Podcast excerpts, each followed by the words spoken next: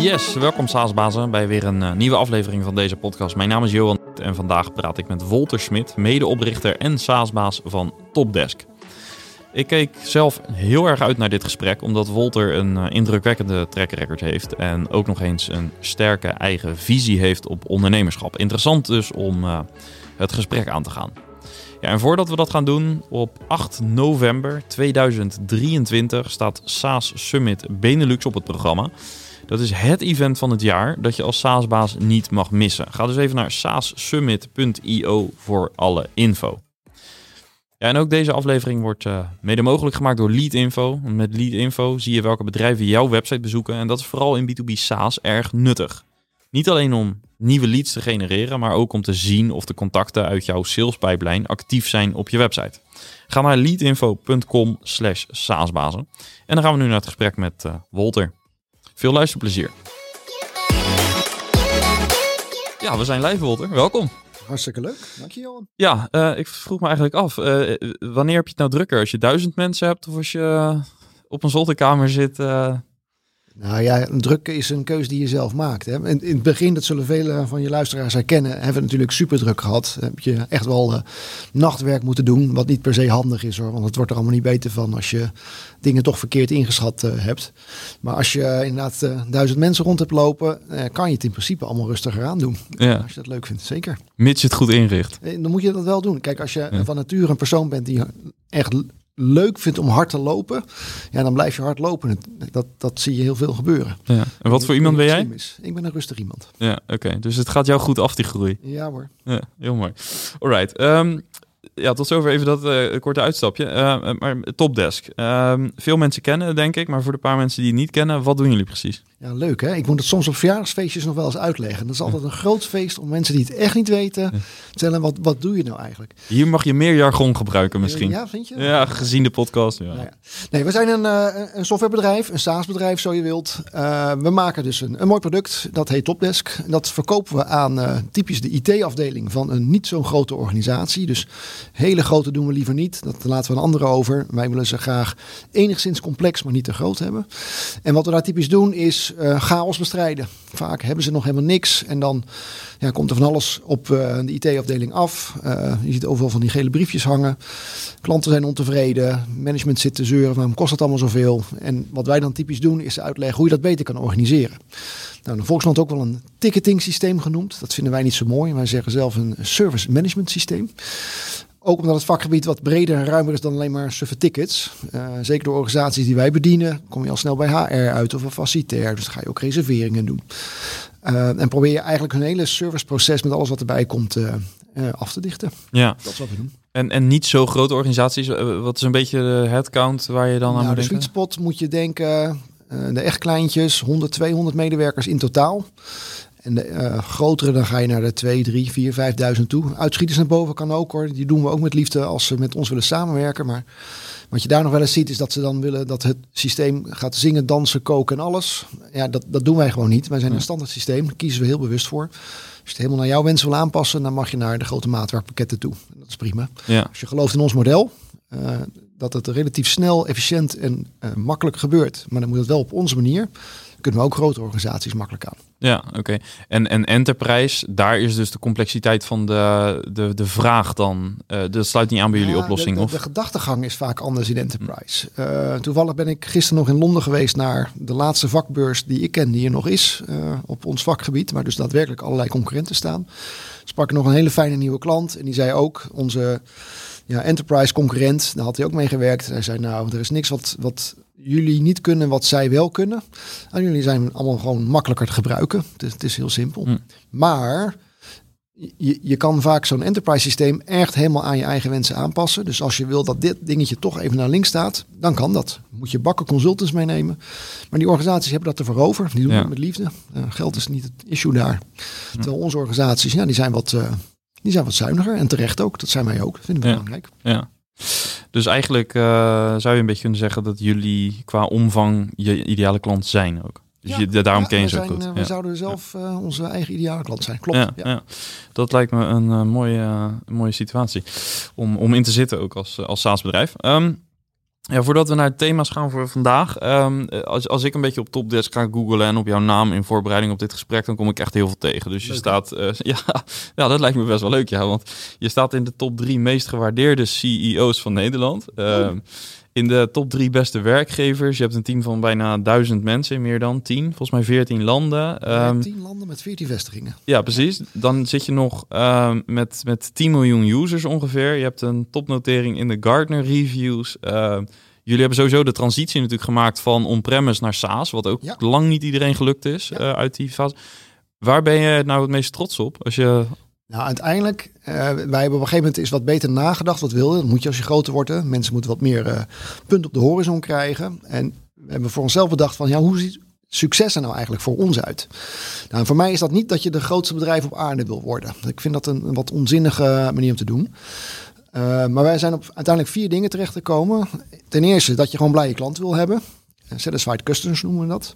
Ten tweede dat je dat wil doen met een team wat betrokken is. Engaged employees noemen we dat. Vroeger zeiden we wel happy, maar dat, ja, dan kan je mensen die vooral houden tafelvoetballen, want dan ben je happy. Maar daar gaat het ons niet om. Je moet betrokken zijn, energie hebben. Dus er, er zin aan hebben en gewoon leuk met leuke mensen dingen doen. Vind ik heel belangrijk. Eh, ten derde dat we ja, toch ook wel iets voor de maatschappij willen doen en dingen als milieu niet eh, willen verklopen. Dus eh, we noemen dat responsible citizen. Dus dat je een goed burger bent van de maatschappij, laat ik maar zo zeggen. En vier, ja, ik zit ook wel in de wedstrijd om enigszins te winnen. Zo competitief ben ik dan ook wel weer. Maar wij noemen dat eh, ehm, eh, sustainable and profitable growth. Oftewel dat je groeit, maar op een robuuste en winstgevende manier. Dat is eigenlijk waar we voor gaan. Als je die combinatie, die vier dingen weet te balanceren, eh, dan ben ik eigenlijk wel, eh, wel gelukkig. ja, Waar ben ik dan trots op? Ja, stiekem de, de eerste twee natuurlijk. Dat, Ja. Als je zo'n klant spreekt op zijn beurs die gewoon echt hartstikke tevreden is en hartstikke leuk vindt om er te zijn en ook geniet van onze mensen en dat onze mensen dat ook weer mooi vinden. Eh, en, en feestjes intern vind ik ook altijd wel leuk. hè. ja. Als die sfeer eruit komt. hè. ja. Nou, en die doen jullie best goed volgens mij. Jullie zijn laatst nog eens skiën of snowboarden, ik. Ja, ja, dat Ja. vond ik wel erg leuk. Was er zelf ook bij inderdaad. Ja. Vanwege kinderen tijd lang niet gedaan. Maar ja, het is toch wel tof om zo'n hele grote kudde met eh, happy campers te zien. Die gewoon lekker, lekker dingen aan het doen is. Ieder eh, voor zich. Ja, dat is Ja. mooi. Dat is leuk. Ja. ja, en toch zag ik in een andere post van je dat eh, het gaat uiteindelijk niet om de pingpongtafel. En die Nee. pingpongtafel was denk ik symboliek voor dit soort Dan uitjes. ben je af, vind ik. Ja. Ja, Nee, heel grappig. We, leiden mensen wel eens rond. En dan ja, krijg je vaak te horen, goh, een goede sfeer hier. En ik denk, ja, mij valt het alweer niet meer op. Dus dan probeer je altijd nog te vragen, wat is het dan? Ja, je voelt gewoon dat mensen lol hebben of zo. Je? En dat, je ziet het een beetje aan het kantoor, maar het is ook dat er gewoon gelachen wordt of zo. Dat, dat, je, je voelt dat, je ziet dat. En soms denken mensen dat komt dan. Want als je naar het rondgeleid wordt, dan zie je een pingpongtafel staan. En we hebben zo'n biljarttafel en weet ik veel wat voor onzin er allemaal staat. Maar dat, dat is meer een symptoom van, een uiting van, dan dat het de oorzaak is. Want veel van die spullen, zeker in ons oude kantoor, toen het allemaal nog wat, ja, eh, wat minder netjes was dan we het nu hadden. Ja, al die dingen zijn eigenlijk naar binnen gekomen. Want iemand zei van ja, mijn ouders gaan de pingpongtafel wegdoen. Zal ik hem mee naar kantoor nemen? En wij dachten, ja, lachen man, doe maar. Dus het is niet dat een interieurarchitect dat bedacht had. We, Hmm. we gaan hier de pingpongruimte hebben. Dat spul is allemaal gewoon gekomen dat mensen dat mooi vonden. En wij Ja. geen nee zeiden. ja. Ja, dan moet je daar ook gewoon een beetje soepel mee omgaan. Dus dan, eh, ja, dan wordt het vanzelf wel leuk. Maar het is inderdaad, mensen, als je, als je alleen maar komt om de pingpongtafel, ja, dat klopt ook niet. Dus, Ja, want dat heb je dus gemerkt. Toen jullie die waarde misschien eh, op happy eh, eh, employees, Ja. dat werkte dus minder. Ja. Maar, maar hoe, hoe werkt dat kleine woordje dan door uiteindelijk? Heb je dat ook echt letterlijk moeten veranderen? Nou, we, we merken dat. Ehm, kijk, we, zijn altijd vrij sterk geweest in eh, zorgen dat we leuke mensen ook aan de sollicitatietafel krijgen. Dus veel mensen kennen de, de sales funnel wel. Hè? Dus dat je, ja, je moet heel veel leads hebben en dat trecht je steeds meer door. Uitkwalificeren tot je uiteindelijk een, een bak met klanten gaat krijgen. En wij doen eigenlijk hetzelfde met nieuwe medewerkers. Ook daar moet je zorgen dat je heel veel toestroom krijgt, heel veel cv's. En dat je daar goed in kan trechteren om uiteindelijk de goede lui die jij wil hebben eruit te kunnen plukken. En dat is echt een heel circus bij ons. Er stoppen we heel veel tijd en moeite in om dat voor elkaar te krijgen. Nou, dat betekent dus dat je heel goed moet nadenken wat je eh, communicatie naar de markt voor medewerkers is. Inderdaad, daar focussen we op. Nou, je hebt hier een goede work-life balance. Het zijn leuke mensen om in te samenwerken. En we, we werken eh, toe naar happy employees. Maar we merken dus inderdaad op een gegeven moment dat dat vooral mensen trok die, eh, even plat gezegd, niet wilden werken. Hm. Ja, dat is niet de bedoeling, weet je. Het gaat wel om dat mensen aanstaan en ervoor gaan. En voor mij hoef je niet 80 uur in de week te werken. Maar ik wil wel dat je echt, dat je doet waar je echt energie van krijgt. Ja. Nou, daar is toen echt best wel een beetje naar gezocht. Hoe gaan we dat nog beter krijgen? En daar is dus dat engaged, Engaged. uitgekomen, betrokken. Ja. Ja. we willen dat je aanstaat. Maar dat betekent, als je dat bent, dan kan dus ook een pingpongtafel te staan. Omdat als je tijd aan hebt gestaan en even denkt van... Poeh, even, even mijn hoofd los. Ja, Ja. dan kan dat. En dat is ook leuk om te doen met elkaar. Ja. Dus ja, dat, dat merk je als je op een gegeven moment een bepaald soort mensen binnenkrijgt. En je realiseert, het is niet helemaal wat we willen. Dat Ja. zijn wel leuk, maar het moet weer wat eh, actiever worden. allemaal. Ja, ja, mooie nuance. O- Op welk moment, eh, of op welk punt in, in zeg maar de, de, hele topdesk geschiedenis zijn jullie echt actief met dit aan de slag gegaan, met het echte definiëren? Ja. Eh, ik krijg deze vraag wel eens. Een aantal dingen zijn bij ons heel, heel sterk ingebed, zeg maar. Dus die, die vier guiding principles die ik net noemde, die zijn relatief nieuw. Die waren altijd onuitgesproken, maar Ah, ja. we dachten, we- we moeten ze echt eens een keertje vastleggen en ook gaan blijven herhalen, hoe, hoe, hoe plat ze ook zijn. Hè? Want het is geen raketwetenschap. Elk bedrijf hoop ik dat het dit ongeveer heeft. Ehm, maar er zijn wel meer dingen waarvan mensen zeggen, ja, maar waar, had je dat nou altijd in je hoofd toen je met Topdes begon, dat het zo zou zijn? Want het is zo sterk. En het eerlijke antwoord is nee. Ja, ik kan hier een heel mooi verhaal ophouden. Dat we altijd al in gedachten hadden. En dat, sommige collega-ondernemers zullen dat op die manier ook doen. Maar ik ben er wat nuchterder in. Nee, dat hadden we niet voor ogen. Wat je wel merkt is, eh, als je klein bent en je begint te groeien. In het begin ja, neem je alle beslissingen zelf. Want ja, alles komt uiteindelijk bij jou terecht. En als je op een gegeven moment bepaalde beslissingen neemt. En je hebt een beetje mensen die nadenken, die nemen me heel graag aan. Die beginnen dan op een gegeven moment te vragen: ja, maar waarom neem je nou die beslissing? Waarom dat en niet dit? En dat probeer je dan uit te leggen, want je voelt iets, maar je hebt er nog geen woorden voor. En op een gegeven moment begin je, als het de tweede keer gevraagd wordt en de derde keer gevraagd wordt, begin je door te krijgen. Er zit een soort patroon achter of zo. En dan langzaam kristal- kristalliseert zich dat uit tot iets van, ja, we doen het om deze reden. Er, er zit iets hoger achters, Ja. wat ik eerst niet kon verwoorden, maar wat ik wel kon voelen. Ja. Ja, en als mensen dat door beginnen te krijgen, dan kunnen ze dat ook weer doorgeven. Dus als ik dat weer over dat trechter heb van medewerkers waar ik het net over had. Waar ik zelf ook wel trots op ben, is dat we dat hebben kunnen repliceren naar bijvoorbeeld andere landen toe. Want wat ik heel vaak hoor van mijn collega's, als ze dan op bezoek gaan bij een ander land, zeggen van dat is zo leuk. Ja, het is een heel ander land. Noem het Brazilië, noem het Duitsland. Dat zijn echt totaal andere culturen. En toch zijn het topdeskers. Hm. En dat we dat schaalbaar hebben gekregen. Dus dat een ander land ook lukt om in een andere cultuur een bepaald soort mensen eruit te vissen die goed bij ons passen. En dat dat samengaat. Ja, dat vind ik echt mooi om te zien. Omdat Ja. dat, eh, dat je dat werkend kan krijgen. Ja, Eh, da- daar wil ik straks eh, graag nog wat meer over weten, over dat internationalisatiestukje, ook over dit gedeelte. Ehm, eh, eigenlijk zeg je dus ook, dat er ontstaat op een gegeven moment een soort van decision filter. Dus, dus ehm, eigenlijk gaat dat redelijk natuurlijk, in ieder geval in jullie geval. Doordat Ja. mensen eh, eh, niet vragen naar per se de beslissing, maar je gedachtegang achter een bepaalde Ja. beslissing. En dan weer, ik ga er even vanuit, dit is de wereld waarin ik leef. Ja. Het, het soort mensen wat wij hebben is gewoon nieuwsgierig en wil dingen weten waarom. Eh, we zijn misschien zelfs heel kritisch. Eh, ik heb lang niet altijd als ik zeg dat mensen zeggen ja hoor, dat gaan we doen. Dus er wordt soms actief Walter management gedaan als ik dat ik volstrekt genegeerd word. Dat is altijd heel fijn om, om te merken. Als je mensen eh, eh, bij je hebt die daadwerkelijk nieuwsgierig zijn, slim zijn en willen weten waarom dingen zijn, dan gaan ze die vraag stellen en word je gedwongen tot een antwoord. Ja. En dat zal de eerste keer niet helemaal goed zijn en je legt het misschien niet goed uit. Maar hoe vaker je het doet, hoe, hoe beter je wordt om dat steeds met elkaar scherper te krijgen. Ja, daarom doen we dit en daarom vinden we dit belangrijk. Ja. En het aardige is, als je dat ook op een hoger niveau weet te doen, kunnen ze daarna zelf ook makkelijker beslissingen nemen. Dus op Ja. jouw vraag, ja, ben je nou heel druk? Dan het antwoord is nee, omdat ik beslis heel weinig meer. Ik Ja. word ook niet gebeld op mijn telefoon. Ik kan drie weken op vakantie en ik kijk mijn mail niet. En ik, ik word ook Ja. voor niks gevraagd. Want mensen kunnen het zelf. Ja, want je hebt eigenlijk de macro-beslissing heb je al genomen, waardoor zij heel veel micro-beslissingen zelf kunnen nemen, omdat ze jou, ze, eigenlijk eh, ben je voorspelbaar, zeg maar, op de positieve manier. Nou, sterker nog, als je mij iets vraagt, dan krijg je vaak een tegenvraag. Ja, wat zou jij doen? Ja, precies. Ja. Eh, eh, typisch voorbeeldje toen we nog wat kleiner waren. Ja, we willen graag korting geven aan een klant.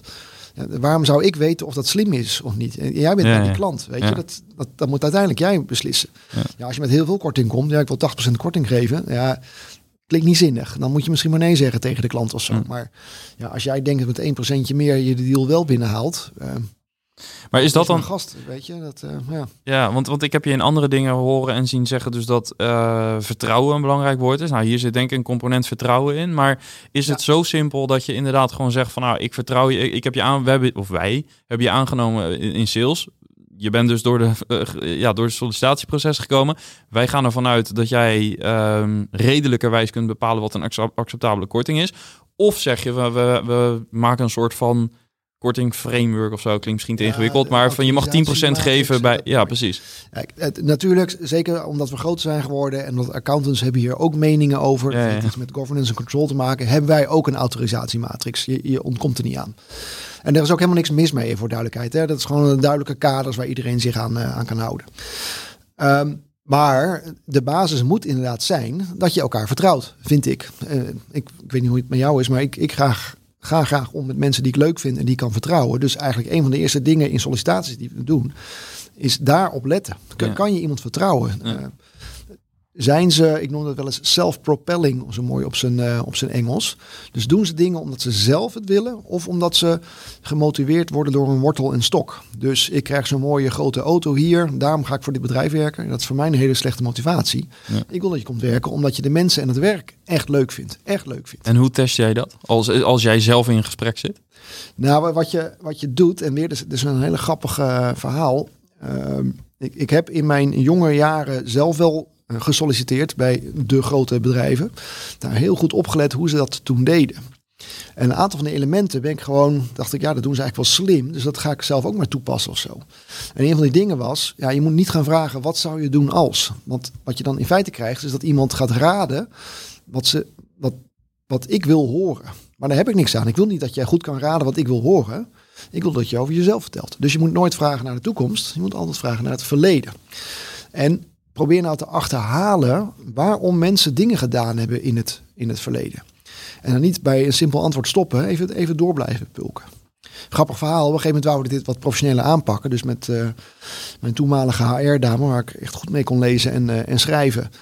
eh, hebben we wel eens een keertje zo'n zo'n echte cursus gedaan. En bleek wat wij deden eigenlijk wel ongeveer goed te zijn. Alleen je kon het wat netter en formeler doen. En je kon er betere woorden opplakken. Dus kwamen wij achter. Bleek gewoon een methodiek te zijn.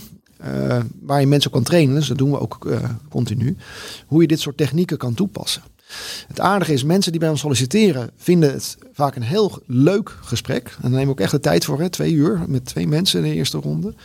Waar ze gewoon lekker over hun leven hebben vertellen. Maar eh, wat we eigenlijk in feite proberen te doen, is terwijl ze over hun leven vertellen, een goed beeld proberen te vormen. Hoe acteert deze persoon nou in het echte leven? En waar zijn nou de, de sleutelmomenten in geweest dat ze zelf dingen gedaan hebben? En als we die niet kunnen vinden, ja, dan pas je niet bij ons. Zo simpel is het. Nou, gaan we even terug naar vertrouwen. Dat is vaak een goede voorspeller voor vertrouwen. Ik vind ook als je mensen blijkt niet te kunnen vertrouwen, dus het, is niet blind, hè? ook dat vertrouwen komt altijd te voet en, en gaat te paard.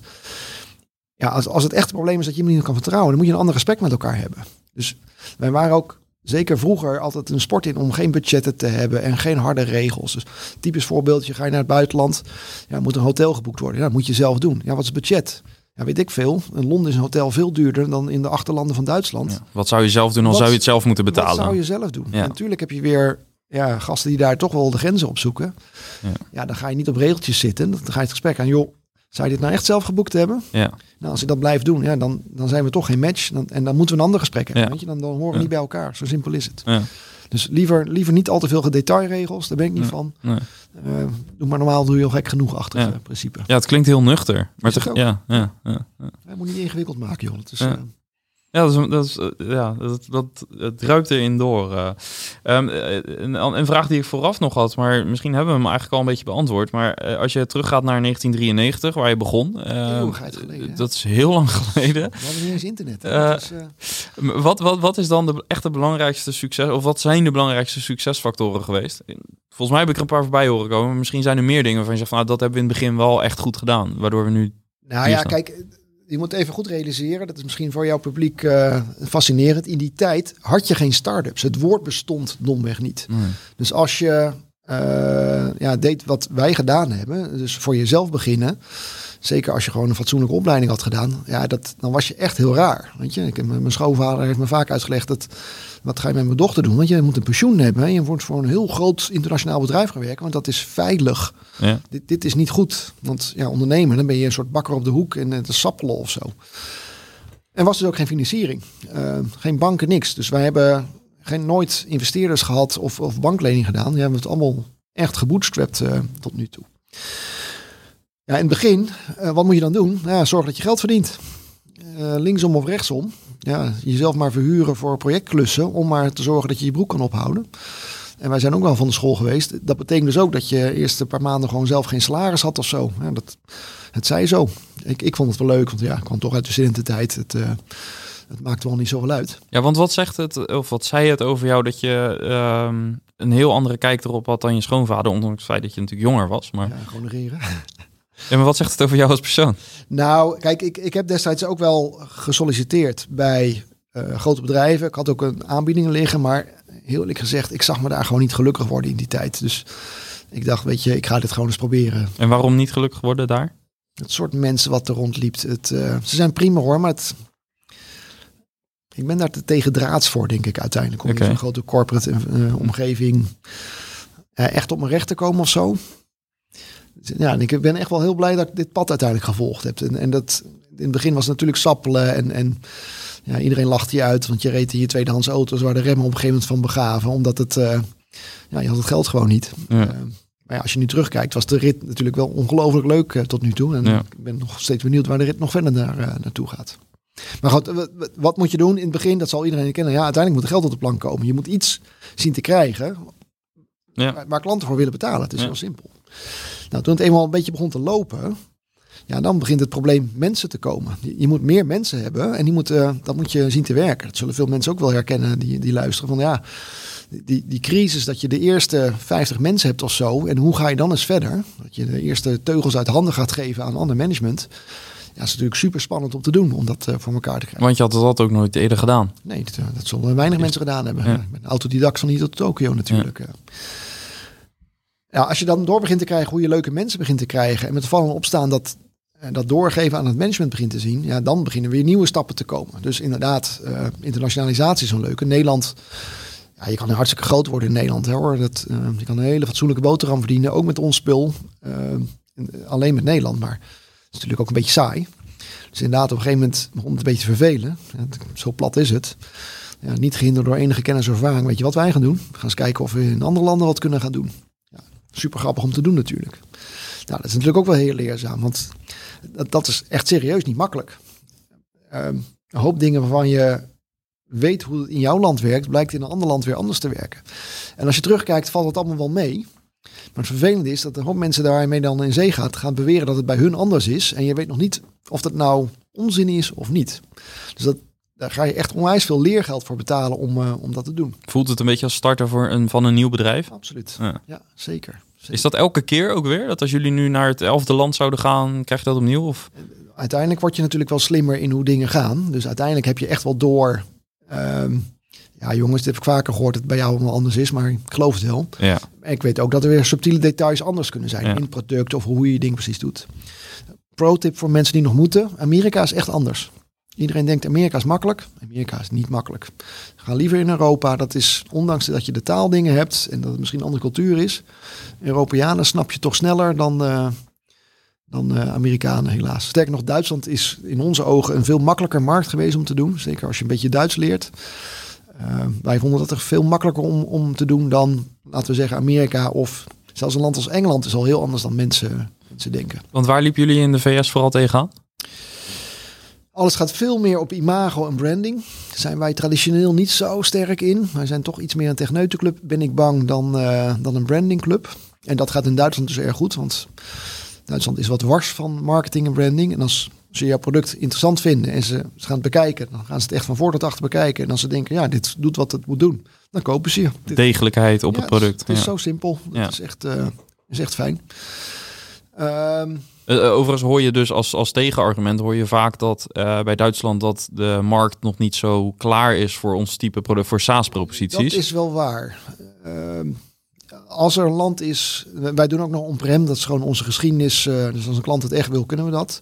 Het land waar dat gewoon nog veel gebeurt nu, dat, dat is daadwerkelijk Duitsland. Want SaaS dat is eng. Maar weet je, over vijf jaar is dat verdwenen, is mijn inschatting. Dan uh, komen ze ook allemaal uit de cloud. Omdat het, ja, het is waar. Ja, is onhoudbaar natuurlijk. Het is ja. onhoudbaar. Ja. Het is, uh, het is te duur, ook voor hun uiteindelijk. Maar ook qua cultuur um, hoorde ik je zeggen dat Duitsland wat dichter bij ons ligt dan de VS. Ja, ja ik vind het wel. Ja, het, het, is, het zijn gewoon leuke mensen. Het is uh, degelijk, dat is het enige. Ja. Het fijne is, ze vinden Nederlands ook vaak wel leuk of zo. Dat zijn een hm. soort... Ja, we zitten een beetje tussen Engeland en Duitsland in. Ze, ze vinden ons de, de progressiviteit en de, de lol van hebben van de Engelsen, maar we zijn wel te betrouwbaar of zo. Mm. Zoiets. En we zijn ook mostly harmless. Dat is ook wel leuk, omdat we niet zo'n groot land zijn. Nee, precies. Ja. Je hoeft er niet bang voor te zijn nee. of zo. Nee. Overigens vinden de Engelsen dat ook van Nederlanders. Ja, het zijn een soort Duitsers, maar dan met humor. Dat is ook ja, ja, heel ja, ja, interessante dynamiek.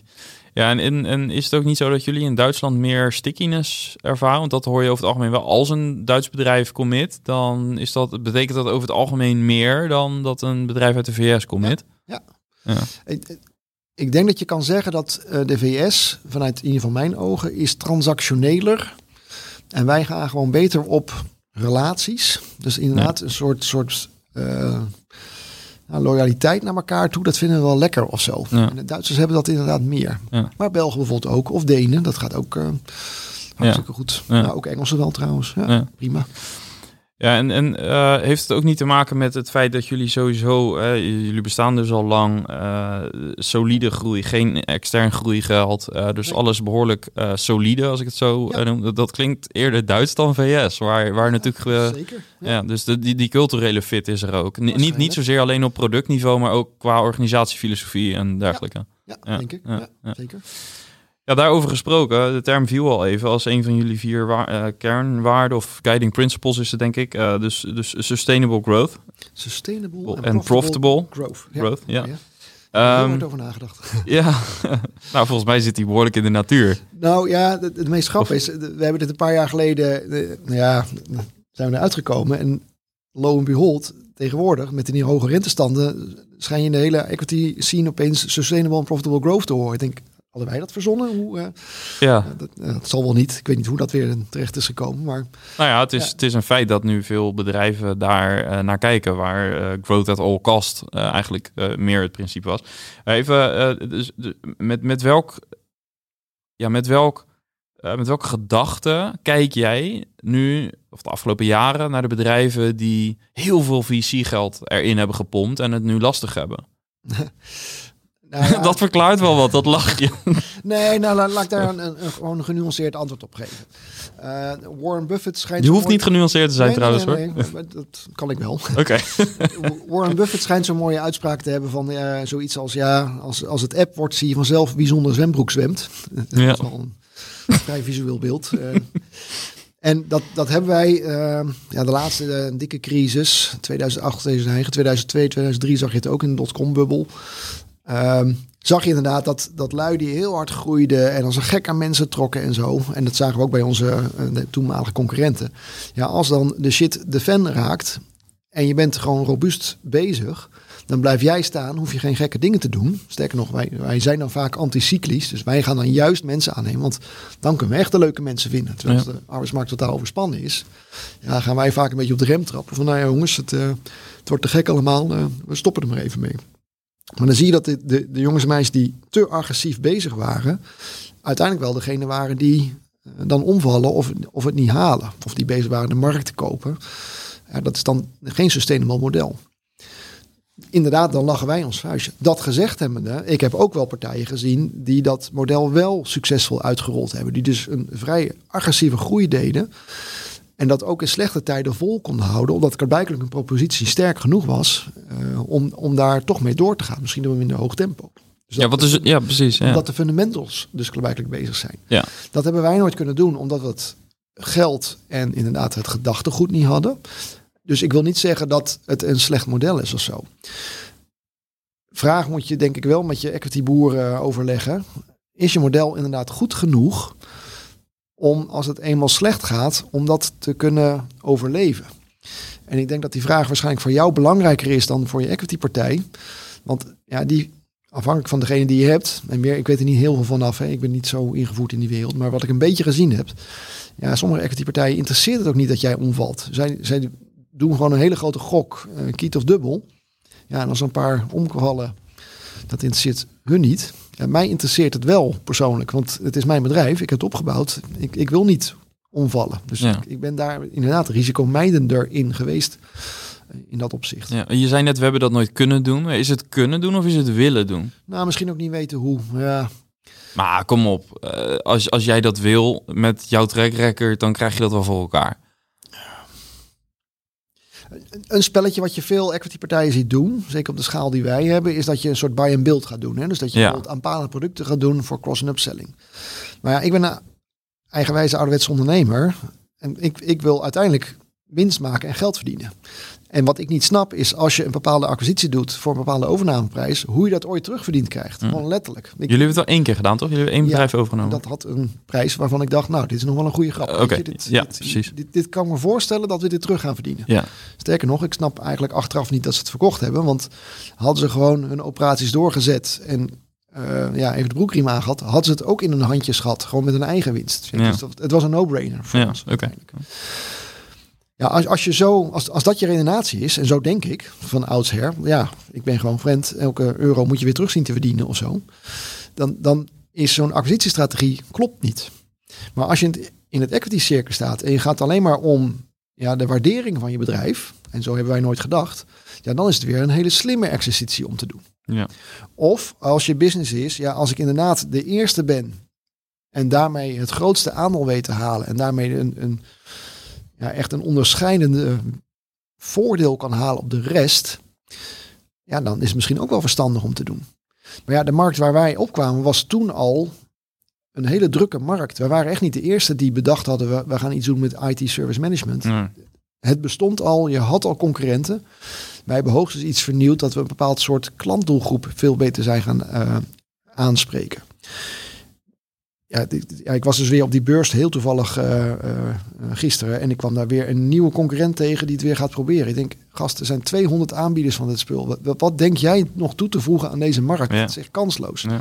Dus ik geloof er niet in dat in mijn markt een first mover advantage is. Nee. Ik, ik geloof het gewoon niet. Want dat zou een rationale geweest kunnen zijn achter wel funding. Rond. Ja. ja. dat gezegd hebben, er zijn ook weer partijen die wel met heel veel funding, heel veel schaal hebben weten te bereiken hoor. Dus dat Ja. is, eh, Ja, want er zullen ook mensen zijn die luisteren en die denken van ja, maar het is een prachtig bedrijf, super voorspelbaar ook. Hè. Jullie Ja. hebben product market fit eh, over, Ja, eh, op en top bewezen. Dus als je er dan geld in stopt en zelfs al zou je dat misschien voorbereiden op eh, dat het ook in laagconjunctuur nog, nog, nog kan functioneren. Hè, want dat is volgens mij ook net wat je eigenlijk, eigenlijk zei. je, je Ja, zou dan- meer risico kunnen nemen. Ja, Klopt, precies. Ja. de- wat, wat, wat, welk risicoprofiel wil je als ondernemer? Maar zelfs al zou je een wat lager risicoprofiel, zou je nog steeds eh, met, met externe funding kunnen groeien. Ja. Maar blijkbaar spreekt de andere approach je meer aan. Nou, dit is wel een, een, een vraagstuk waar we nu mee zitten. hè. Dus we hebben ook wel een schaal bereikt dat ik ook wel begin, eh, dat ik denk van ja, als je echt nog wel een tandje harder wil, en ik, ik vind dat op zich wel leuk, dan moet je misschien toch wel dat pad op gaan. Dus moet je to- daadwerkelijk anders gaan denken. Dus dat is wel een denkproces waar we nu daadwerkelijk in zitten. Van, Oh, wat gaaf. En Ja. hebben wij nou inderdaad het punt bereikt te zeggen, ja, je kan nu wel lekker organisch door blijven groeien, maar dan, ja, dat, dat onvermijdelijk gaat dat, ehm, is, dat, is het zo moeilijk om nog organisch 30% jaar op jaar erbij te blijven plussen. En misschien kan het wel hoor. Maar, maar moet je inderdaad meer dat equity gedachtegoed er dan toch maar in gaan stoppen om dat, om dat goed te gaan doen. Ja. Ja, dat moeten we gewoon eens uit gaan vinden. Dus Ja. Ik ben een hoop lui aan het praten van Ja. hoe die dat doen en werkt dat wel of werkt het niet. Aan de andere kant, ik zie ook veel van mijn conculega's die dat zo'n traject gedaan hebben. Ja, dan kijk ik naar hun groeipercentages en daar word ik nou niet heel warm van of zo. Dan denk ik, van, ja, dat doen wij zonder Ja, eh, dit soort harde investeringen te doen. ja. Doen, En, wij, doen wij toch slimmer uiteindelijk. ja, ja, en dan ben je, ja, dus je capital efficiency is dan gewoon super goed op dit moment. En de vraag is of dat zo goed blijft op het moment dat je Ik gebruik een Wat woord wat ik ja. niet goed ken, zou ik eerlijk zeggen. Oké, nou ja, goed. Ja, dat, dat kan. Dat, dat- ja, dat is een beetje. Dat wordt me, wordt me vaker verweten in die zin dat er eh, heel veel jargon in de podcast valt. Ehm, maar eh, goed, Ehm, dat, dat terzijde. Ehm ik zou hier nog een uur over kunnen praten. Maar eh, er zijn ook andere dingen die, die ik graag eh, nog, nog met je wil spreken. En dat zit dus eh, ook weer deels in het, eh, in het internationalisatie gebeuren. Ehm, jullie zijn begonnen in Nederland, maar dus naar Duitsland onder andere gegaan en, en, onder, en, en uiteindelijk meer landen. Even voor de, de, de wat meer startende SaaS-baas die luistert. Denk jij dat, dat SaaS echt een kwestie is van born global? Moet je snel naar het buitenland? Of, of zeg je van nee, probeer eerst lokaal te starten en... Nou, Groei Zo'n vandaan. algemene vraag, da- daar kan je geen algemeen antwoord op geven. Omdat het, wat mij betreft, onwijs afhangt van het soort product wat je hebt en het soort doelgroep wat je aanspreekt. Laat ik het zo Mhm. zeggen. Laat ik even over onszelf praten. Wij bedienen een doelgroep. Eh, wij definiëren dat zelf als mid-market, maar dat vinden mensen, dan denken ze va- vaak aan midden- en klein bedrijf. Dat is het dus niet. Medium-sized enterprise is misschien een betere. Het is, het is enterprise complexiteit, maar op een niet zo'n grote schaal wat een bepaald soort dynamiek met zich meebrengt. Nou, een eigenaardigheid van onze markt is dat ehm, een boek wat ik iedereen kan aanraden trouwens. Het, is, een, het is een klassieker, Crossing the Chasm. Ja. Het is misschien wel eens voorbij gekomen. Zeker. ja. Nou, het, het is niet helemaal op onze toepassing, want ons product is niet baanbrekend vernieuwend of hyper innovatief. Echt niet. Ik bedoel, daar kan ik niet prat, prat op gaan. Maar wat je wel uit het boek kan halen, wat, wat belangrijk is in ieder geval voor onze markt. En weer, je moet als nieuwe SaaS-baas nadenken of dat voor jou ook geldt. Ehm, klanten bij ons hebben de neiging met elkaar te praten in, in bubbels. Typisch voorbeeld, gemeentes praten met gemeentes Ja, ja. maar praten niet met provincies. Dat is een hele andere wereld voor ze. En een gemiddelde koper bij ons vindt het heel prettig dat andere soortgenoten ons ook gebruiken. Sterker nog, als je dat in voldoende mate doet, dan ben jij voor hun de grootste. En heb je automatisch een voordeel. Dus dan heb je al een soort van first mover advantage, omdat je in zo'n bubbel ja, ben je gewoon degene wat, wat iedereen gebruikt. En als je dat goed doet, en dat betekent dat je die andere soortgenoten echt blij maakt en die jou een leuke partij vinden, dan krijg je een soort mond-to-mond reclame en dat kan een heel sterk effect zijn. Nou, dat is heel, dat is heel typerend voor onze markt. Misschien ook wel voor enterprise, maar die, die ken ik gewoon minder. Misschien werkt het daar ook zo, omdat enterprise met enterprise praat. Maar zit jij in B2C, ja, dan werkt dat misschien weer heel anders. Ja. De, wat dat boek stelt, en ik geloof dat wel in, uiteindelijk gaat het erom wie praat met wie. We kunnen allemaal wel Google marketing doen, we kunnen allemaal wel eh, billboards ophangen, maar uiteindelijk gaat het erom ja, praten met, met elkaar en heb jij daar een goede naam, ja of nee? Nou, dan moet je dus voor jezelf bedenken, wie is mijn bubbel? Nou, laten we eens even, stel dat je een product verkoopt aan andere SaaS-bazen. Is dat leuk? Ja. Nou, dan is dus de vraag. en Nou, ik denk dat het geen vraag is. Nederlandse SaaS-bazen praten met Nederlandse SaaS-bazen. Er schijnen leuke events te zijn. Dat, ik weet niet wie dat precies organiseert, maar het is super grappig. Ja, als iemand daar aan een willekeurige bezoeker op zo'n event vraagt... of in een willekeurige andere manier dat ze elkaar tegenkomen... hey, ik heb jullie, jullie nodig. Wat gebruik jij? Ja, als iemand zegt gebruik dit, ben je tevreden over. Dat is top. ja. Dan is de volgende vraag. Zijn SaaS-bazen in Duitsland, ik ga ervan uit dat ze er zijn, praten die dan ook met Nederlandse SaaS-bazen? Ja. Of doen die dat niet? Ja. Ja, en hoe weet je dat? Nou, dan moet je even zien achterhalen. Nou, gaan we voor naar Amerika. Hoe zien die bubbels eruit? ja. Dat, dat is denk ik waar het uiteindelijk om gaat. Ja. Identif- Identificeer je bubbel en dat definieert je of je snel internationaal moet gaan of niet. Voor ons eh, was het antwoord dus nee. Want een Nederlandse gemeente en een Duitse gemeente, geloof het toch niet, ze praten niet met elkaar. Echt Nee. totaal niet. Het heeft totaal gezien. Je bent, je bent weer helemaal af bij, ja, terug bij, bij af Ja. om weer je, je bekendheid en je vertrouwenspositie op te, op te gaan bouwen. Ja. Ik ben toch blij dat ik die algemene vraag gesteld heb. Mooi. Want ik vind het een eh, bijzonder mooie tekenwee. En ik denk dat er veel luisteraars daar eh, eh, ook, eh, ook mee verder kunnen. Ik zorg dat het boek even in de show notes staat. Maar het is inderdaad regelmatig genoemd. Maar met deze Het is uitleg... echt een klassieker. Ja, dit, ja. dit, ja. Ja. Lees het, lees het. en, en dus heel praktisch toepasbaar. Ik denk dat je nu met een bloknootje kan je al aan de slag eh, om te kijken van wat, hoe ziet Ja. mijn bubbel eruit en, en wat zijn de linkjes met de bubbels in andere landen. Ja. Zijn die er? Ja. Ehm, dan over lokalisatie, dat is meer een specifieke vraag. Eh, wat, wat lokaliseren jullie als het gaat om product, eh, marketing, content? Of is het echt wel een... eh, hebben jullie overal hetzelfde propositie, verhaal? Het product is één codebase. Ja, oké.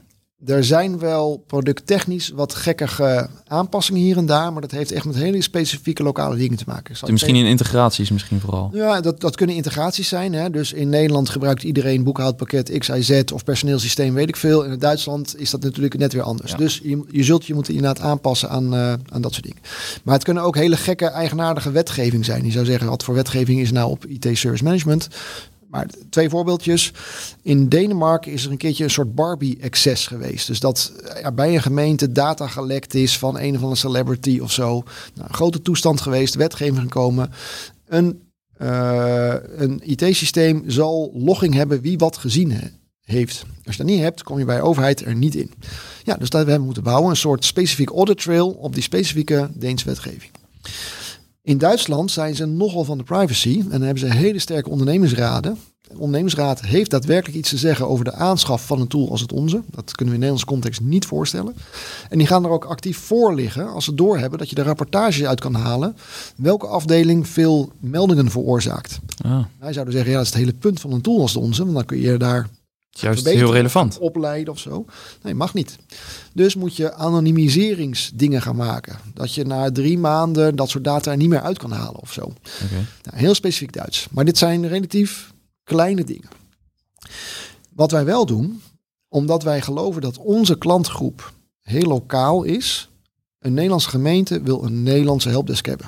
Nederlanders. Vindt, vindt de gemeente fijn. Ziekenhuis ook trouwens. Die gaat liever niet naar een of andere Amerikaan bellen of Nee. Indiër of weet ik veel. Datzelfde geldt voor Duitsland. Datzelfde geldt voor Denemarken. Dus wij kiezen ervoor om onze product een monolith te houden. Eén codebase bedoel ik daarmee. Wij kiezen ervoor om functionaliteit ook hetzelfde te houden. Wij kiezen er wel voor om alles te vertalen.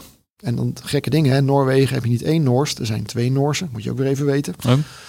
Ehm, en we kiezen ervoor om het sales, support, consultancyproces echt lokaal te houden. Dus dat wordt door lokale mensen gedaan op een manier die normaal is in dat land. Voorbeeldje, in Nederland, tot de pandemie waren we gewend, je rijdt naar een klant toe. Ja, dat verwacht de klant. Ja. Je moet een demo geven, dus je rijdt naar de klant. En je weet precies hoe dat gaat, je spreekt om tien uur af en eh, nou ja, je kent het wel. Duitsland, je rijdt niet even naar een klant toe. Dat werkt niet zo. Dus Duitse klanten zijn wat terughoudend om jou uit te nodigen. Want dan voelen ze zich verplicht om te kopen. Ja. Moet je Dus te sterk koopsignaal. Het is een te sterk koopsignaal. Ja. Dat, dat moet je even doorhebben. En dat beseffen ze zich. Ja, en ja, onze salesmensen daar weten, dat, daar, daar stuur je niet in eerste instantie op aan. Of als je gaat implementeren, ja, consultants voor de pandemie waren gewend. Het is een heel groot land. Je moet dus, en je leven bestaat uit hotelovernachtingen. Maar ja, om dat leefbaar te houden, kun je ook proberen die meer dingen remote te doen. Meer dan we in Nederland gewend zijn. Nou, zo zie je, elk land heeft daar ook weer zo zijn eigen eigenaardigheden in. En wij proberen daar met onze lokale teams op aan te passen. Ja. Weer, is dat slim voor jouw product? Kan ik je niet uitleggen. Dit, dit werkt voor ons. Ja. Zit je echt op enterprise te mikken, ja, dan werkt dat weer heel anders. Echt enterprise denkt niet lokaal. Die interesseert het niet waar die support zit, want eh doe je maar. Misschien heeft jouw product geen support nodig. Ja. Ook hartstikke fijn. Ja. Onze klanten willen heel graag bij de hand ge- genomen worden. Ja. En je B2C zit het ook weer heel anders. Anders, ja. ja, ja. Ehm, Oké, Eh, weer heel eh, veel praktische, eh, praktische tips daar. Ehm, nog even naar cultuur. Ehm, ik las er ergens in een post van je dat je zei... eh, je hebt een eh, type I-based omgeving en daarin... eh, of, of misschien niet eens zozeer alleen daarin... maar wat dus heel belangrijk is in ook je cultuur... is dat je negatieve bijproducten zoveel mogelijk weghaalt. Mhm. Ehm, eigenlijk zitten daar twee vragen aan. Ik had ze misschien na elkaar moeten stellen. Maar wat is een type I-based omgeving? Nou, daar maar eens beginnen, ja. ja, en dan daarna de volgende. Ehm, die typering, een I of een X-organisatie, eh, heb ik ook weer niet zelf verzonnen. Dat heb ik ook weer uit een mooi boek van ene Douglas McGregor. De titel is maar even ontschoten trouwens. Zoeken wij wel op. Zoeken we wel even op. Het is ook een, dat is heel grappig. Het is een heel oud boek. Het komt uit de jaren 60. Oh, Een van de Amerikaan. En die beschrijft een, ja, een nieuw type organisatie. Maar weer in de jaren 60 van de vorige eeuw. Eh, grappig dingetje. Vrouwen bestaan niet. Gewoon letterlijk niet. Gewoon niet niet. Er komt geen vrouw in het boek voor. Want ja, vrouwen werkten niet toen. Nee. Weet je, dat kan je niet meer voorstellen. Echt hoe, hoe, in relatief korte tijd eigenlijk. hoe dat nou, ja, zeven Nou ja. jaar. Ja, nou ja, goed. Eigenlijk als je daarover nadenkt, dramatisch lang geduurd heeft. eh. Ja. Maar je moet het echt even in die tijdgeest plaatsen. Maar, en dan is het ook nog Amerikaans. Dat is helemaal grappig, hè? Want Amerikaans is natuurlijk top-down enzovoort. Maar die kerel beweerde, de gedachtegang was eigenlijk als volgt. In die tijd leefden veel mensen nog, ja, arbeid is, is in overvloed beschikbaar voor jou duizend anderen. Maar hij begon door te hebben, zo werkt het niet meer. Het is niet meer voor jou duizend anderen. Dus een, een, iemand op de arbeidsmarkt heeft een keus. Het, is dat jij moet aantrekkelijk zijn als bedrijf, anders krijg je geen mensen. Even, even omdenken. Kunnen we ons nu niet meer voorstellen dat het voor jou duizend anderen was. Nou, ik kan me nog voorstellen, ik heb bij Vlagen nog meegemaakt uh, in mijn geschiedenis. Dus je kan maar beter zorgen dat je organisatie aantrekkelijk is voor mensen. Nou, daar kwam ik dus met de typering. Een type X-organisatie gelooft dat mensen inherent lui zijn. En mensen werken alleen met een wortel of een stok. Zodra je ze niet meer in de gaten houdt, gaan ze slekken, gaan ze andere dingen doen. Want ja, ze willen helemaal niet werken. Terwijl een type I-organisatie gelooft dat mensen het leuk kunnen vinden. Ik zeg niet vinden, maar leuk kunnen vinden om te werken. Mensen doen ook de meest bizarre hobby's, waar je het koud en nat en, en kost allemaal geld. En waarom doen ze het? Ze vinden het gewoon leuk. Nou, eigenlijk wat hij beweert is, wat je moet doen is zorgen dat je mensen vindt die wat ze doen leuk vinden. En leuk is weer zo'n, uh, ik weer op happy. Het gaat erom. Dat ze dat graag doen. Gaan ze erop aan, is dan zou je dan moderne tegenwoordig zeggen. Gaan ze erop aan. Gaan hun oogjes glimmen met het ding wat ze aan het doen zijn, omdat ze dat gewoon mooi vinden. Toevallig hadden we net een voorgesprek. Ja, je eigenlijk zei het zelf. Waarom ben je nou deze podcast begonnen, vroeg ik. Ik vond het gewoon leuk. Ja. Nou, dat. Je doet dit een beetje als hobby. Ja. Maar ja, uiteindelijk heb je er ook een soort model van gemaakt. Dat je er gewoon ook van kan leven. Nou, dat zoek je. Het is bijna een hobby. Want als je dat hebt, dan gaan mensen aan. En weer, ja, ik had het over onze, onze uh, selectie en recruitment. Ik wil, ik wil glimmende ogen bij mensen zien. Ik, ik wil een sprankje zien dat ik denk, ja, dit, dit doet iets met je. Want ik weet, als je dat hebt, dan hoef ik jou niet te micromanagen. Dan hoef ik je niet met wortel stok te doen. Dan ga je het zelf doen. Ja. Het is gewoon super mooi dat je dat zelf gaat doen. Ja. Nou, ik leg het vaak intern uit, hè, ook aan, aan nieuwe mensen. Van, waarom vinden een hoop lui nou het leuk bij ons te werken en vinden ze onze collega's ook zo leuk? Ja, als je in een omgeving zit waar een hoop mensen die sprankel hebben, dat, dat is aanstekelijk of zo. Dan ga je ook denken, oh, die zit dit te doen en die stopt er nog wat extra moeite. Tof man, dat ga ik ook doen, maar dan op mijn gebied. Ja. Nou, waarom is dit nou belangrijk? Uiteindelijk is het voor ons het belangrijkste dat we goed met elkaar het gesprek blijven hebben met tussen, nou, als je een manager bent en een, en een collega. Heb jij die sprankel? En als je die niet hebt, en goede talent lead, zoals wij het noemen, kan dat zien. Dan moet je daar het gesprek over beginnen. Want eigenlijk is de vraag, ben je wel gelukkig? Ben, ben je nou aan het doen waar je, waar je op aangaat of zo? En als wordt nee is, dat, dat is niet fout. Maar zul dan gaan zoeken waar dat is. Ja. Met een beetje mazzel kunnen we het gewoon in de club vinden. Ik leg het ook vaak uit. Stel dat je bij ons op support binnenkomt. Ik gebruik als voorbeeld omdat onze klanten vaak ook supportafdelingen zijn. Dus dat is mooi ook naar klanten vertellen. Ja, in het begin kan je weinig als jonkie. Dus kom je op de eerste lijn terecht. Ja, in veel Amerikaanse organisaties, daar wil je zo snel mogelijk weg, want je bent cooler als je op de tweede lijn zit. En dan verdien je ook meer. En als je dat nog cooler wil worden, moet je manager worden. Maar een hoop mensen is manager helemaal niet leuk. Dat is stressvol of zo. En waarom zou je trouwens ook naar de tweede lijn moeten? Dus wat wij typisch doen, is als je op de eerste lijn binnenkomt, na een tijdje, een goede tentlied ziet vanzelf. hey, dit is iemand die vindt moeilijke dingen leuk. Misschien puzzelt hij uh, in zijn vrije tijd. Weet je, in dingen duiken en echt proberen, wat is hier Ja. nou aan de hand? Ja, dat is typisch iemand, die moet je gewoon steeds meer moeilijke dingen toeschuiven. En dan gaat hij vanzelf uit de eerste lijn, want je gaat een moeilijke dingen doen. Anderen zul je merken, die vinden gewoon klantcontact echt tof. Zeker als het een beetje spannend begint te worden. Als klanten wat, zou ik zeggen, uitdagender beginnen te worden. Ja. Die mensen heb je gewoon, die, gaan, die vinden dat tof. Ja. Nou, dan ga je zorgen dat die wat meer de crisisteamachtige dingen ingaan. Anderen vinden het superleuk, dat zie je vanzelf ook, komen er nieuwe, nieuwe mensen bij. Ja, die, die duiken daarop. Die gaan ze direct eh, welkom heten. En weet je wat, misschien moet jij eens wat meer gaan coachen en trainen en zo. En anderen vinden het daadwerkelijk leuk om te zorgen dat ja, het schip draait. Weet je, is de planning op orde? Hebben we genoeg mensen? Iedereen aanjagen? Nou, dan ga je dat toch meer doen. We hebben dus- daar geen namen voor, Nee. maar het is gewoon goed kijken. Waar sprankel je van? En dan ga je dat proberen meer te doen. Ja, dus eigenlijk, is het niet. ja, dus eigenlijk ga je een beetje van een hiërarchie-based promotie naar een meer competentie en, Ja. en plezierachtige promotie. Het hoeft Ja. niet eens dus een hiërarchische promotie te zijn. Nee. Nee, en eh, je moet ook even loslaten dat als je manager bent, dat je dan meer verdient. Nee, als jij echt kick-ass bent als een klant, het overkomt bij ons, hè, er gaat iets mis met de integratie en ze lichten er echt af. Ja, en jij bent degene die dat altijd binnen no time weer weet te fixen. Ja, ik, ik, wil niet vervelend doen, maar dan ben je gewoon veel waard voor de club. Ja. Weet je? Dat, ik heb een boze klant, ik heb geen boze klant. Dat heb ik nog. Ik heb nu een hele tevreden klant. Ja. Om dat heel snel boven Janne weet te krijgen. Ja. Dat is gewoon veel geld waard. Ja. Mooi. En die mensen voelen zich dus ook meer gewaardeerd Bingo. door eh, niet een hiërarchische promotie te krijgen, maar gewoon beter in hun rol te zitten. Ja. Ja, je doet gewoon waar je goed in bent, waar je een sprankel van hebt. En dan krijg je vaak ook de feedback terug. Ja. En het mooie is, klanten merken dit ook weer. Hè? Als je werkt met collega's van ons die het werk gewoon echt mooi vinden. Ja, dat voel je als klant. En daardoor krijgen we een goede reputatie. En dan krijg je weer die mond-mond. En dan spiraalt hij weer omhoog. Ja. Even een zijstap. Eh, wat ik zo leuk vind is dat je omschrijft jezelf als tegendraads. Maar eigenlijk als je uitlegt, eh, de- de- een paar principes die je uitlegt waarvan je zou kunnen zeggen dat is tegendraads, zijn ze super logisch. Eh, dit, is, dit is niet tegendraads eigenlijk. Nee, dit is eigenlijk heel logisch. Wie, wie doet Ja, dit? Ja, Ja. nou, maar gelijk. toch doen weinig bedrijven dit.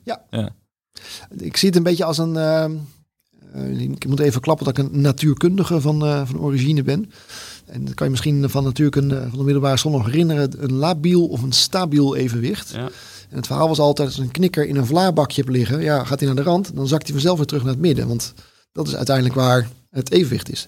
Zo'n labiel evenwicht, dan draait het vlaarbakje om. En gaat hij een beetje naar een zij en dan rolt hij eraf. Wat ik denk dat er gebeurt, is dat een organisatie is een labiel evenwicht. Dit is super logisch, maar het is heel moeilijk om het in stand te houden. Daar doen stoffen dus ook heel veel moeite in. Als die een beetje afgaat en mensen niet meer lekker gaan en je hebt net even de verkeerde managers, die gaan dan toch weer regels doen en die gaan dan toch weer een wortel en stok gebruiken. Ja, voor je het weet eh, heb je weer zo'n klassieke organisatie die iedereen kent, waar iedereen diep ongelukkig is. Ja.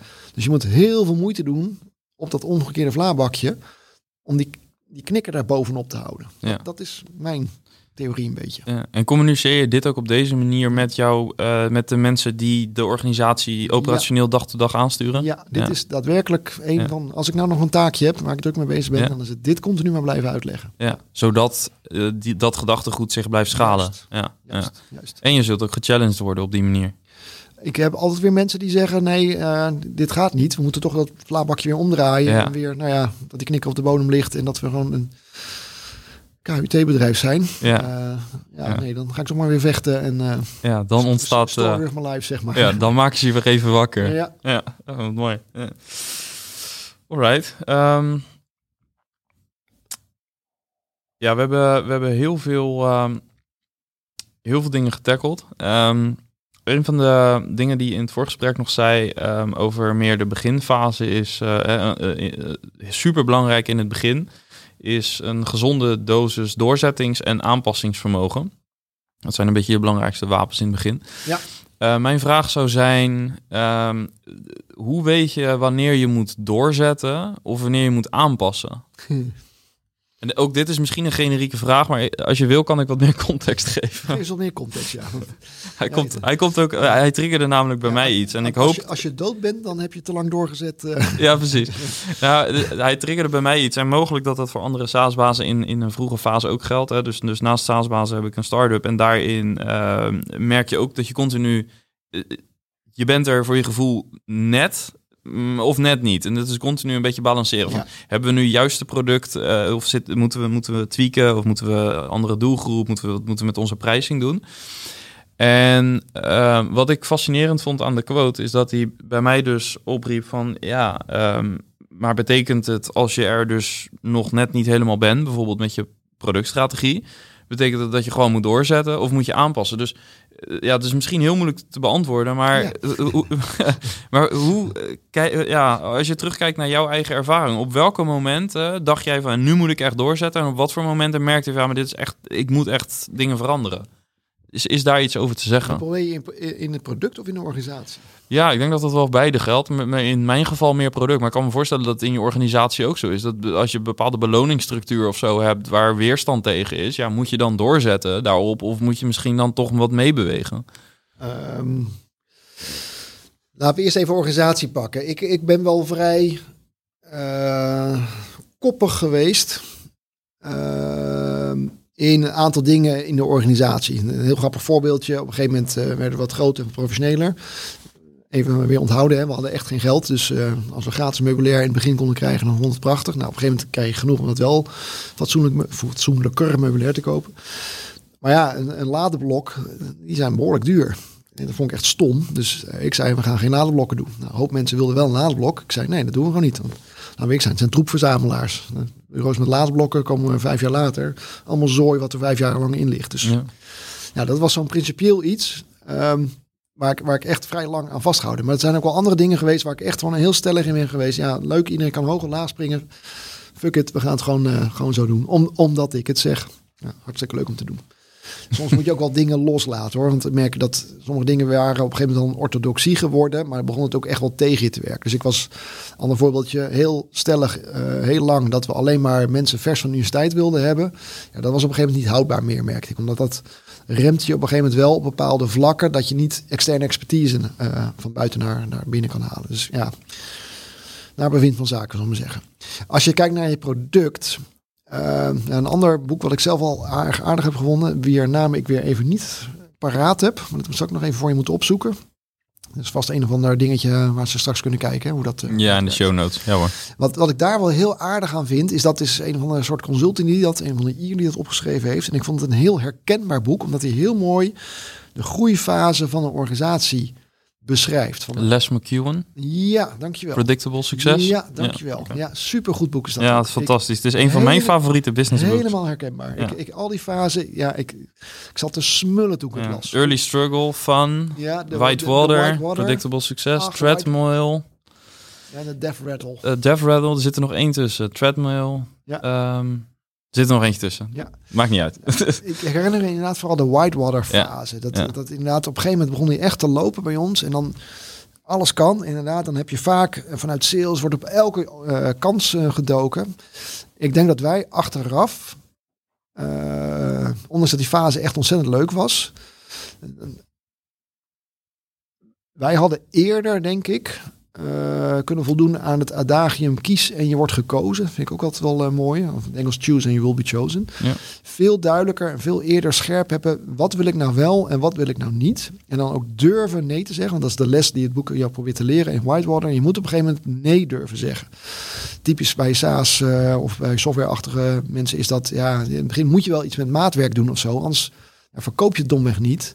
Maar je moet op tijd daar nee tegen zeggen. Want ja. oh, het, het, gaat je, het gaat je in, in, in je... Ja, je wikkelt je helemaal vast. Oh, je, precies. Ja. Dat moet je gewoon niet willen. Ja. Maar wanneer heb je nou de, het, het, het vermogen en de stoerheid om te zeggen... we gaan het gewoon niet meer doen. En al je salesmensen worden ongelukkig. Hè, die gaan allemaal uh, huilen. Want dan krijg je het niet meer verkocht. En dan kwalificeer je maar beter uh, mensen. Dat is echt... Uh, ja. Ja, die, die, die slag, daar op tijd mee beginnen is wel belangrijk. Ja. Maar wanneer je dat precies moet doen, ik denk dat dat uiteindelijk de kunst van het ondernemen is. Ja. Zou ik het beter doen de volgende keer? Vast, omdat ik meer ervaring heb. Zou ik het ja. weer goed kunnen doen? Ik weet het niet. Nee. Dit is ook... Uh, het is ook het ambacht. Dus deze vraag beantwoorden is, is, ook het ambacht. Ja. Het is het ja. ambacht. Ja. Ik, ik heb wel vaak meegemaakt uh, discussies van ja, maar dat gaat niet. Ja, ga het toch maar doen. En dat het uiteindelijk wel blijkt te kunnen. Dus ja. je moet... zit vaak in een salesorganisatie trouwens hoor. Dat zegt... Uh, ja, sales houdt toch het op de bekende manier doen. Ja. Als daar iets verandert, vinden ze eng en spannend. Want voor je het weet zien ze hun succes uh, weggaan. Maar ja, soms worden dingen zelfs makkelijker als je maar een bepaalde keuze probeert te maken. Ja, ja. Um, ik vind het alsnog een heel mooi antwoord. Ondanks de wat kromme vraag. Ik wil succes uh, kennen, ja. Ja, ja, ik vind het echt een fenomenaal boek. En dat komt ook met name omdat... Wat ik heel mooi vind aan uh, hoe die het beschrijft is uh, early struggle, dat herkent iedereen. Ja. Um, iedereen die een bedrijf start weet even in het begin is het gewoon ploeteren.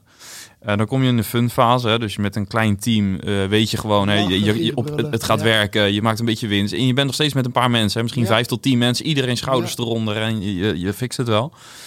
En dat is heel fijn, maar die groei die je krijgt, de groei brengt complexiteit. En de complexiteit die gaat zich manifesteren in die wildwaterfase. Dus dan merk je opeens, oh, er is toch een heier die niet goed uitpakt. Of oh, in het product hebben we toch veel te veel uh, iets ingebouwd wat er eigenlijk niet in hoort. En ja, allemaal dingen gaan mis. En de vraag is, er zijn ondernemers die kiezen er dan voor om te zeggen van oké, okay, daar gaan we doorheen, daar moeten we doorheen, want we komen er wel door. Ja. Er zijn ook ondernemers die zeggen van ja, ik kies toch meer voor het comfort. Dan scha ik word wel weer freelancer of wat dan ook. We ja. willen gewoon voor eeuwig in de funfase blijven zitten.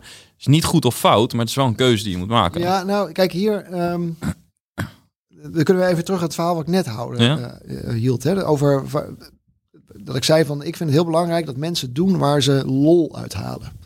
Maar ja, als je de spiegel voor jezelf houdt, geldt het ook voor jezelf als ondernemer uiteindelijk. Waar haal jij nou precies lol uit?